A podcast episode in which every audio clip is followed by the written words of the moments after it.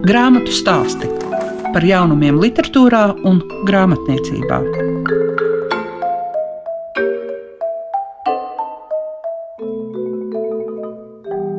Grāmatu stāstu klausītāji, esiet sveicināti. Tātad jūs esat klasikā, un šobrīd kopā arī ar mani Liegu Piešiņu. Un šīs dienas raidījumā mēs pievērsīsimies Maijas Miglas Streičas romānam Dzimtas stāstam Matildas gadsimts un palūkosimies uz divām grāmatām, kas veltītas austrumu un rietumu attiecībām. Šo dažādo pasauļu tikšanās šķiet gana interesanta arī literārā izpildījumā.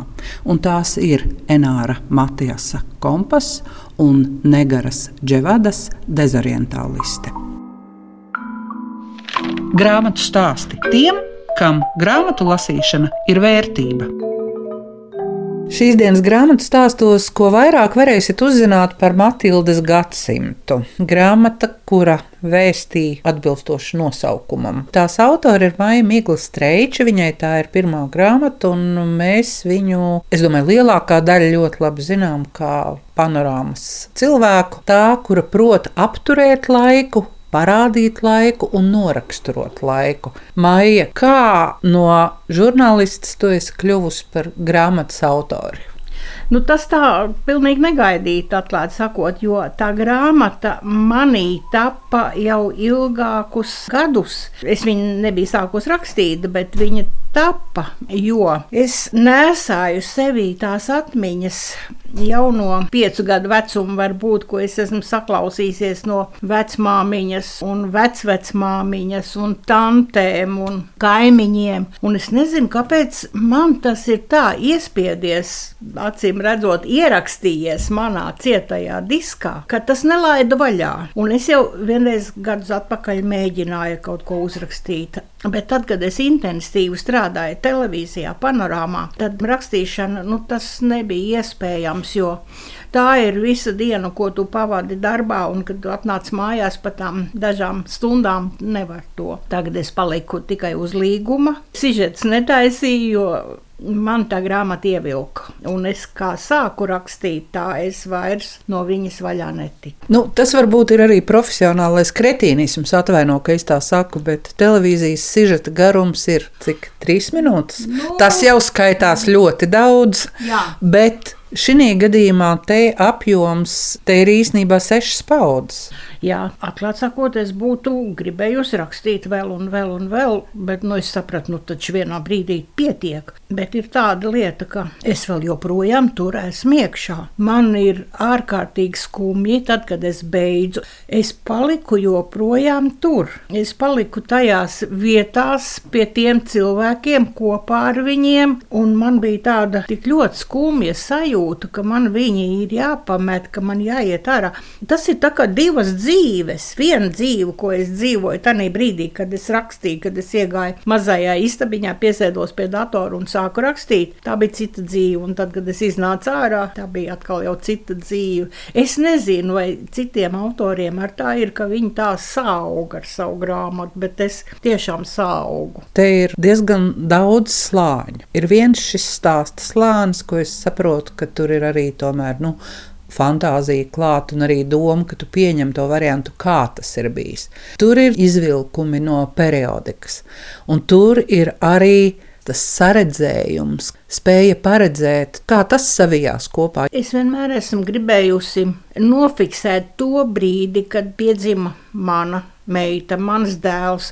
Kas tajā brīdī notika pasaulē, kas bija avīzēs? Tad es domāju dziļāk, bet kas notika tajā brīdī, kad vecvecs vectēvs strādāja Liepājas ostā un vecvecs vecmāmiņa atkal saimniekoja pa māju? Ko avīzes rakstīja tad? Un tad es meklēju, un tad es arī atradu. Tad jau es aizgāju tā, ka man gribējās paralēli tām cilvēku dzīvēm likt iekšā arī pasaules notikumus. Faktiski tie bija arī Liepājas notikumi notikumi, nu, Latvijas notikumi. Un ā, par tiem viediem sapņiem. Tie sapņi, tie tiešām bija īsti. Un tie tiešām bija man vecajai mammai, bija tādi pareģojoši tie sapņi.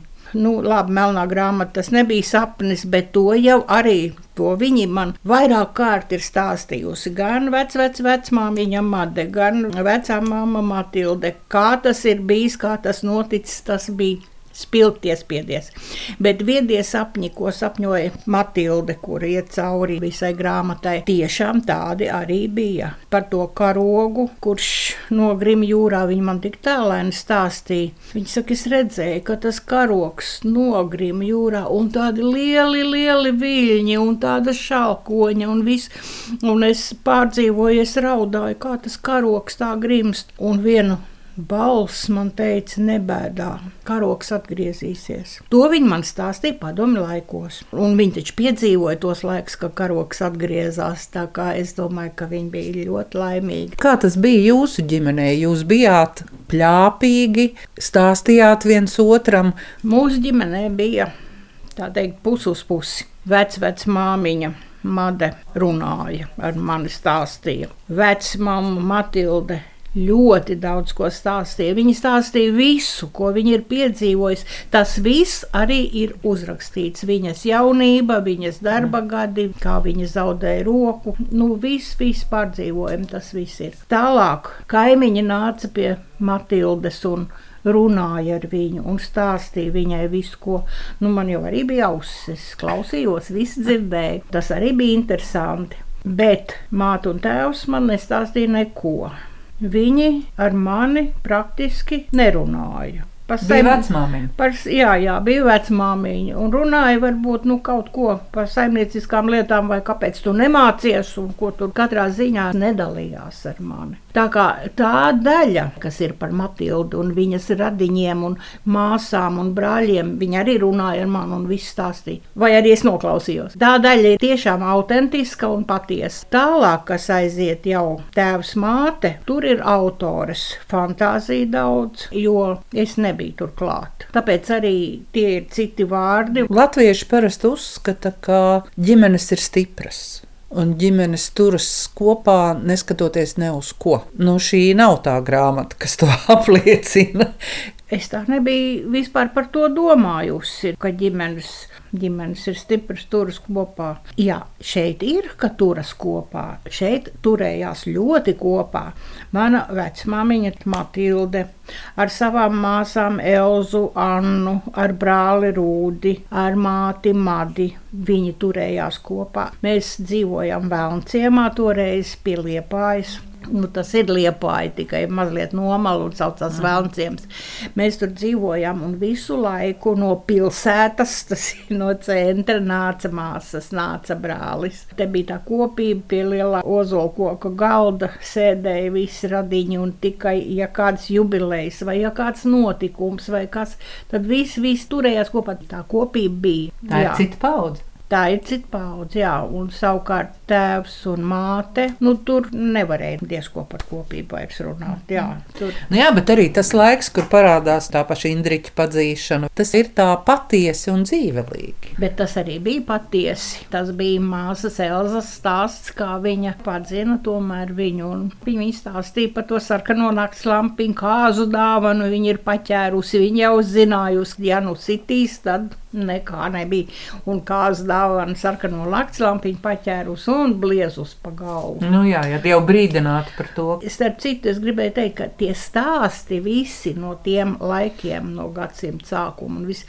Tie jau ir patiesi. Tur nav nekā izdomāt. Nē, nu izdomāt, varbūt, protams, ir dialogi, un es jau nebiju klāta un nedzirdēju. Bet katrā ziņā liels izdomājums tur nav. Ko savējie saka par Matildas gadsimtu? Vērtē pozitīvi. Es Nē, nu, zinu, kā ir kādreiz kaunās, kādreiz kā jūs tur visādi šmuci rados izstāstat. Nu, pa laikam jau mainās tā atklātības pakāpe un tas, ko tu esi gatavs citam izstāstīt, jo tu kļūsti ievainojamāks. Nu jā, attiecībā uz tēvu kurš bija virsnieks un arī vēlāk strādāja Čekā attiecībā uz tēvu. Es domāju, jā, nu, es varēju noklusēt to, es varēju to nestāstīt, es varēju kaut ko citu izdomāt. Bet tad es domāju, kāpēc ne? Jāsaka, es esmu pati tik daudz lasījusi, es zinu, kā ir, kad cilvēks izved tajos laikos. Mans tēvs nevienu nav izvedis. Viņš tajā laikā bija jauns, bet nu, viņš tomēr bija tur. Un kāds tad bija tajos laikos, tas čekists? Nu, viņš nomira gan, kad man bija 18 gadi, bet es tomēr gribēju pastāstīt no tās puses. Piemēram, es pat arī uzzināju, kas ir krasta bangas. Es te kādam arī prasu bangas. Tu zini, kas ir krasta bangas? Nezini. Nu, redz, krasta bangas tas ir izvešanas operācijas nosaukums. Krasta bangas, kad 49. gadā izveda cilvēkus. Un mans tēvs tajā laikā bija komjaunatnes sekretārs. Viņa tēvs bija izpildu komitejas darbinieks, un viņiem bija jāsēž un jādežūrē tur. Tanī laikā, un viņi arī to izvešanu uztvēra tā bet uh, viņiem bija cita domāšana, par cik viņi bija nākuši no Baltkrievijas. Latvieši, bet nākuši no Baltkrievijas un nezināja to Latvijas vēsturi tad viņiem sākotnēji likās, ka tiek izvesti nu, tikai tie buģi un tie, kas nepakļaujās un neiet kolhozā un tie sliktie cilvēki un tā, bet tad jau, kad redzēja, ka izved tos mazos bērniņus un tās sievietes un viss, viss, tad jau arī viņi saprata, ka tas ir kaut kas tāds. Var jau būt, ja viņi paši būtu pie tās izvešanas, tad es nebūtu to rakstījusi, bet, nu, nu viņi tur vismaz nepiedalījās. Tā, nu, bet tā. pašai jau tas ir smags pārdzīvojums. Man tas bija smags un man tas bija atklājums, jo es nezināju, kas ir tās krasta bangas, kā notiek tā operācija. Es to tur aprakstīju, kas ir iztrebīķeļi, ko tie darīja. Es daudz atradu Henriks Stroda vēsturnieku materiālos, tur bija iekšā. Nu jā, nu, tas tā ir. Bet es tā domāju, vai tā ir vienīgā ģimene? Protams, ka ne. Tādu ģimeņu ir daudz, bet viņas klusē un viņi varbūt apgriež tā mudīgi to kažoku otrādi, un to mēs esam arī jutuši, ka apgriež to kažoku otrādi. Un, un līdz tam ir partijas sekretārs, un pēc tam jāsaka runāt citādi par brīvo Latviju. Šī grāmata ir ļoti aizraujoša, un man liekas, ka tās atsauksmes, kuras arī līdz šim ar to patiesību un atklātību ir gana interesants un labs, un tie, kas domā arī par dokumentālo prózu, noteikti tai var pievērsties un to grāmatu izlasīt. Bet vai tu raksti vēl? Jā, es rakstu vēl. Man jau ir gandrīz uzrakstīta vēl nedaudz, nedaudz jāpiestrādā strādā par televīzijas tādiem komiskiem, jokainiem gadījumiem, notikumiem, braucot, filmēt. Grāmatu stāsti programmā Klasika. Tikko dzirdējāt māju miglu streiču, un šķiet šis romāns dzimtas stāsts daudziem var vētīt atmiņas par piedzīvoto. Jāsaka, ka Maija Migla pati arī ir liela grāmatu lasītāja un ļoti labprāt pievēršas detektīviem, arī ziemeļniekiem. Un te tādi pieminami vārdi kā Šarlote Linka un Herbjorga Vasmu. Bet tūlīt jūs dzirdēsiet tulkotāju Denu Dimiņu. Jāņa Rozes apgādā iznākusi grāmata, kas vēstīja par dažādo pasauļu tikšanos. Balstīts tas ir uz mīlestības tēmas, bet ļauj apjaust šodienas sarežģīto pasauli. Klausīsimies, ko saka Dens Dimiņš. Nu, tā ir Matijas Enāra Gonkūra prēmija saņēmušais romāns Kompass, kas iznāca 16. gadā. Un tas ir īstenībā par divu pasauļu, par rietumu un austrumu tikšanos, par pētnieku, kurš kā, caur to romānu šķetina savu mīlestības stāstu uz vienu citu pētnieci un par viņu tādām ilgstošām un konfliktējošām un dažādas stadijas piedzīvojušām attiecībām. Varētu teikt, tas ir mīlestības romāns. Vai ir tā, ka šobrīd ļoti aktuāli un svarīgi ir runāt par šīm austrumu un rietumu attiecībām, un ka meklē ar vienu kaut kādus jaunus tādus risinājums vai meklē jaunas atbildes. Mēs piedzīvojam tādu vārdu kultūra tikšanos un kultūra jaukšanos laikmetu, un tāpēc šīs attiecības ir aizvien aktuālākas. Mēs skatāmies, kā satiekas reliģijas, kā satiekas kultūras, ideoloģijas, un tas šajā romānā arī tādā pagātnes prizmā ir šķetināts. Un, manuprāt, jā, un šajā laikā tas ir tāds aktuāls jautājums. Tad, ja saka tā mīlas romāns, tad tev tā kā drusku tāds smaids parādās un liekas, nē, nu to nu man tā kā nevajadzētu, ja tas nav tā. Nu, es nezinu, es negribētu uzreiz tādu klišejisku birku uzkārt un Jā. pateikt, tas ir tāds sentimentāls romāns. Viņš nekādā ziņā nav sentimentāls, bet tāds jūtas, kas cilvēks motivē un visu dzīvi dzen uz priekšu vai liek viņiem atkal un atkal satikties un tuvoties vienam otram aizvien vairāk. Un, no vienas puses arī attālināties kaut kādā citā aspektā, jo cilvēks jau katrs ceļo laikā un aizceļo savā domās un savā karjerā. Gribētu teikt, tas ir sarežģīts mīlestības romāns. Noteikti būs interesanti lasīt daudziem cilvēkiem, ne tikai tiem, kam patīk sentimentāla literatūra. Grāmatu stāsti programmā Klasika. Enāra Matijasa kompass ir iznācis Jāņa Rozes apgādā, un man likās būtiski pievērsties šai tēmai vēl un arī vienai no Jāņa Rozes apgādā iznākušai grāmatai. Tā ir Negaras Džavadas dezorientāliste. Grāmatu tulkojas Inte Šmite, un mans jautājums viņai par kutelīgo tēmu šajā grāmatā - dezorientāliste.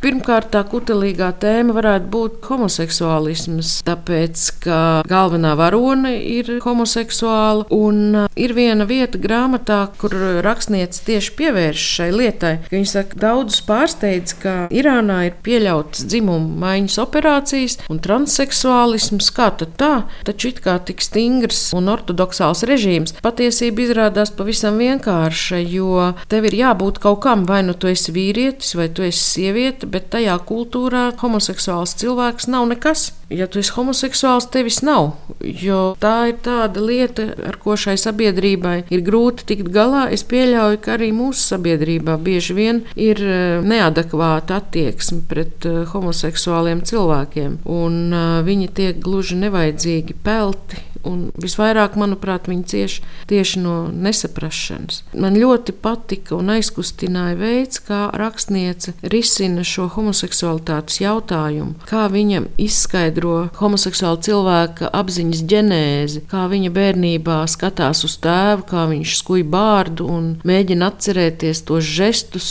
jo tie viņai kādreiz dzīvē noderēs. Viņa ir maza meitene, viņa zina, ka viņa ir meitene, tajā pašā laikā viņai šķiet, ka tad, kad viņa būs pieaugusi, viņa būs vīrietis. Tiešām man ļoti, ļoti patika un aizkustināja arī veids, cik smalkjūtīgi un reizēm ironiski rakstniece traktē šīs homoseksuālās apziņas veidošanos gan galvenajā varonē, gan arī, teiksim, kāda ir citu cilvēku uztvere pret šādiem cilvēkiem. Man liekas, ka pavisam savādākām acīm lasītājs var ieraudzīt austrumu sievieti. Jo mums ir tomēr tie savi stereotipi. Taisnība mums, kas esam dzīvojuši rietumu puslodē, lielākoties mums priekšstats par eh, dzīvi austrumos un tīpaši valstīs, kur valda šariāta likumi, ir, es pieļauju, diezgan stereotipisks. Negara Džavada sniedz nelielu ieskatu šajā dzīvē. Jā, protams, iepriekšējo pauģu sievietes dzīvoja harēmā, viņas bija visnotaļ sava vīra pārvaldībā, nekādā ziņā viņas nevarētu saukt par emancipētām. Tomēr 70. gados šaha laikā Irānā bija ļoti mūsdienīgs, pat amerikānisks dzīvesveids un sievietēm nebija jānēsā ne galvas lakati, ne paranģus.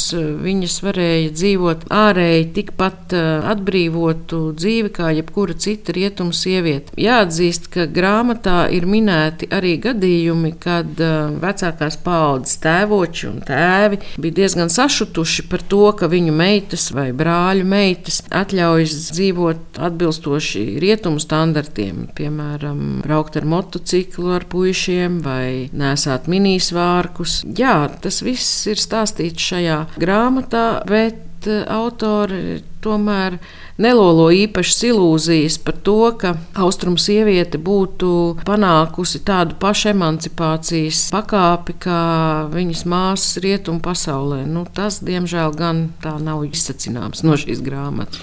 Bet emocionālā pasaule viņām ir bagāta. Jā, protams, jo tās tieši ir mātes, kas nodarbojas ar bērnu audzināšanu, kas iepotē bērniem pamatlietas, pamatiemaņas, kuras nodod tālāk šo gadsimtiem ilgo kultūru. Jā, iekšējā pasaule, protams, nenoliedzami. Tā ir sieviete, laikam visās tautās sieviete ir tā, kas nodod tālāk tradīcijas un folkloru un parašas un ētiskos uzstādījumus izskan grāmatu stāsti. Šīs dienas raidījumā bija par Maijas Miglas streičas grāmatu Matildas gadsimts, Enāra Matiasa kompas un Negaras Dževadas dezorientāliste. Tiksimies pavisam drīz programmā Klasika raidījumā grāmatu stāsti. Visu labu jums saka Liega Piešiņa.